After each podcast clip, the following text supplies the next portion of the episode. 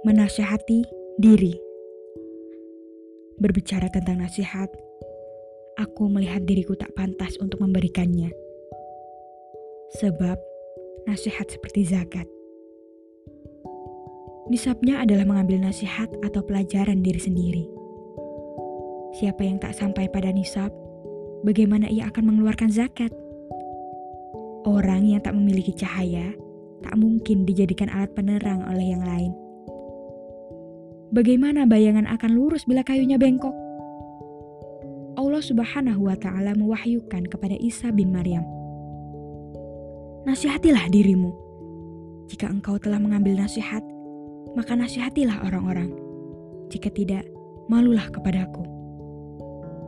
Nabi kita Muhammad Shallallahu Alaihi Wasallam bersabda, aku tinggalkan untuk kalian dua pemberi nasihat, yang berbicara dan yang diam.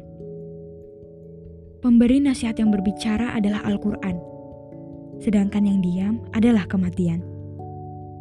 Keduanya sudah cukup bagi mereka yang mau mengambil nasihat. Siapa yang mau mengambil nasihat dari keduanya? Bagaimana ia akan menasihati orang lain? Aku telah menasihati diriku dengan keduanya. Lalu aku pun membenarkan dan menerimanya dengan ucapan dan akal, tapi tidak dalam kenyataan dan perbuatan. Aku berkata pada diri ini, apakah engkau percaya bahwa Al-Quran merupakan pemberi nasihat yang berbicara dan juru nasihat yang benar? Serta merupakan kalam Allah yang diturunkan tanpa ada kebatilan, baik dari depan maupun dari belakangnya. Ia menjawab, benar. Subhanahu wa taala berfirman dalam surat Hud ayat 15 sampai dengan 16 yang artinya Siapa yang menginginkan kehidupan dunia dan perhiasannya niscaya kami berikan kepadanya belasan amal perbuatan mereka di dunia. Dan mereka di dunia ini tak akan dirugikan. Mereka itulah yang tidak akan memperoleh apa-apa di akhirat kecuali neraka dan gugurlah semua amal perbuatan mereka, serta batallah apa yang mereka kerjakan. Allah Subhanahu wa Ta'ala menjanjikan neraka bagimu karena engkau menginginkan dunia. Segala sesuatu yang tak menyertaimu setelah mati adalah termasuk dunia. Apakah engkau telah membersihkan diri dan keinginan serta cinta pada dunia? Seandainya ada dokter Nasrani yang memastikan bahwa engkau akan mati atau sakit jika memenuhi nafsu syahwat yang paling menggiurkan, niscaya engkau akan takut dan menghindarinya. Apakah dokter Nasrani itu lebih engkau percayai ketimbang Allah Subhanahu wa taala? Jika itu terjadi, betapa kufurnya engkau. Atau apakah menurutmu penyakit itu lebih hebat dibandingkan neraka? Jika demikian, Betapa bodohnya engkau ini. Engkau membenarkan tapi tak mau mengambil pelajaran. Bahkan engkau terus saja condong kepada dunia. Lalu aku datangi diriku dan kuberikan padanya juru nasihat yang diam. Kukatakan, pemberi nasihat yang berbicara telah memberitahukan tentang pemberi nasihat yang diam, yakni ketika Allah berfirman, dalam surah Al-Jumu'ah ayat 8 yang artinya, Katakanlah, sesungguhnya kematian yang kalian hindari akan menjumpai kalian. Kemudian, kalian akan dikembalikan kepada alam gaib. Lalu, dia akan memberitahukan kepada kalian tentang apa yang telah kalian kerjakan. Kukatakan padanya, engkau telah condong pada dunia. Tidakkah engkau percaya bahwa kematian pasti akan mendatangimu? Kematian tersebut akan memutuskan semua yang kau punyai dan akan merampas semua yang kau senangi.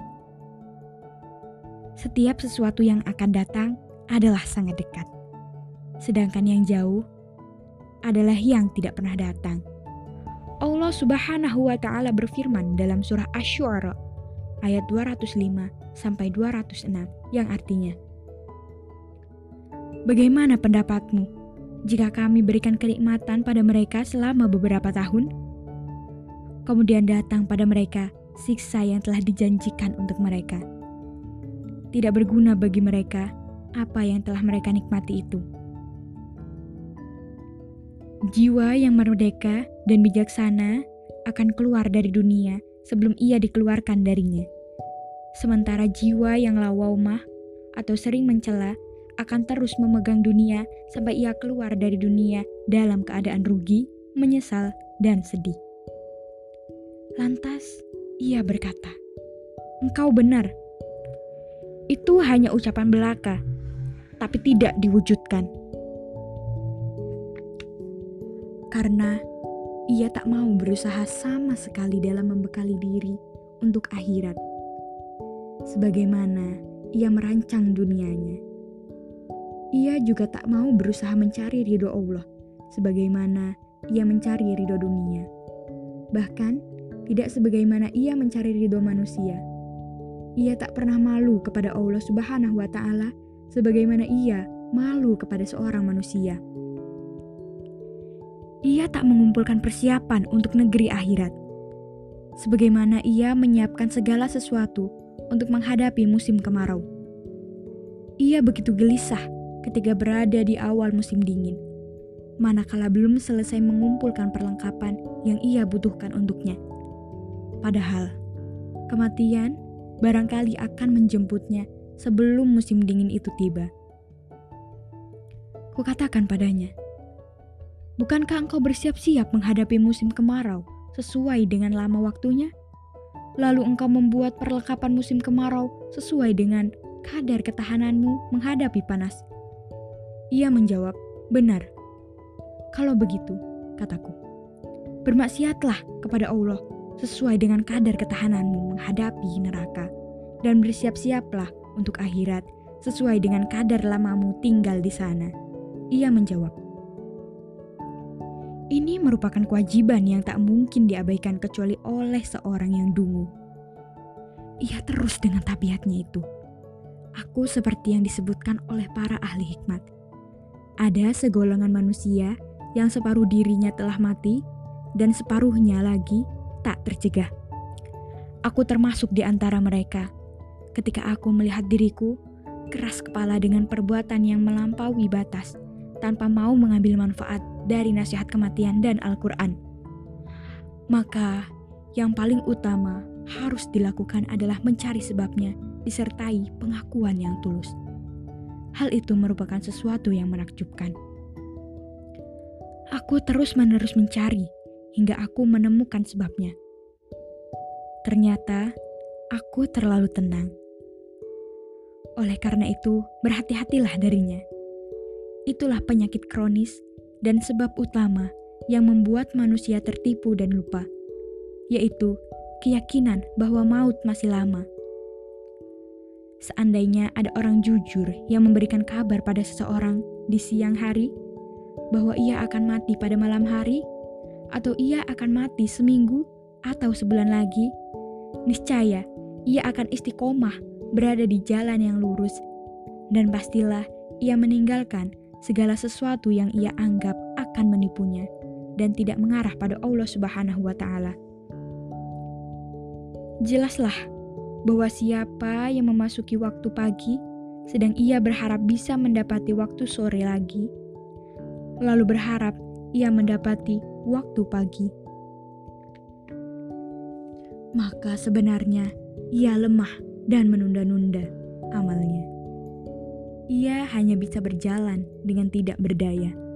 Karena itu, aku nasihati orang itu dan diriku juga dengan nasihat yang diberikan Rasulullah Shallallahu Alaihi Wasallam ketika beliau bersabda, "Sholatlah seperti sholatnya orang yang akan berpisah dengan dunia." Beliau diberi kemampuan berbicara dengan ucapan yang singkat, padat, dan tegas. Itulah nasihat yang berguna. Siapa yang menyadari dalam setiap sholatnya bahwa sholat yang ia kerjakan merupakan sholat terakhir, maka hatinya akan khusyuk, dan dengan mudah ia bisa mempersiapkan diri sesudahnya. Tapi siapa yang tak bisa melakukan hal itu, ia senantiasa akan lalai, tertipu, dan selalu menunda. Menunda-nunda hingga kematian tiba. Hingga pada akhirnya ia menyesal karena waktu telah tiada. Aku harap ia memohonkan ampun kepada Allah agar aku diberi kedudukan tersebut, karena aku ingin meraihnya tapi tak mampu. Aku juga mewasiatkan padanya agar ridho dengannya dan berhati-hati terhadap berbagai tipuan yang ada. Tipuan jiwa hanya bisa diketahui oleh mereka yang cendekia.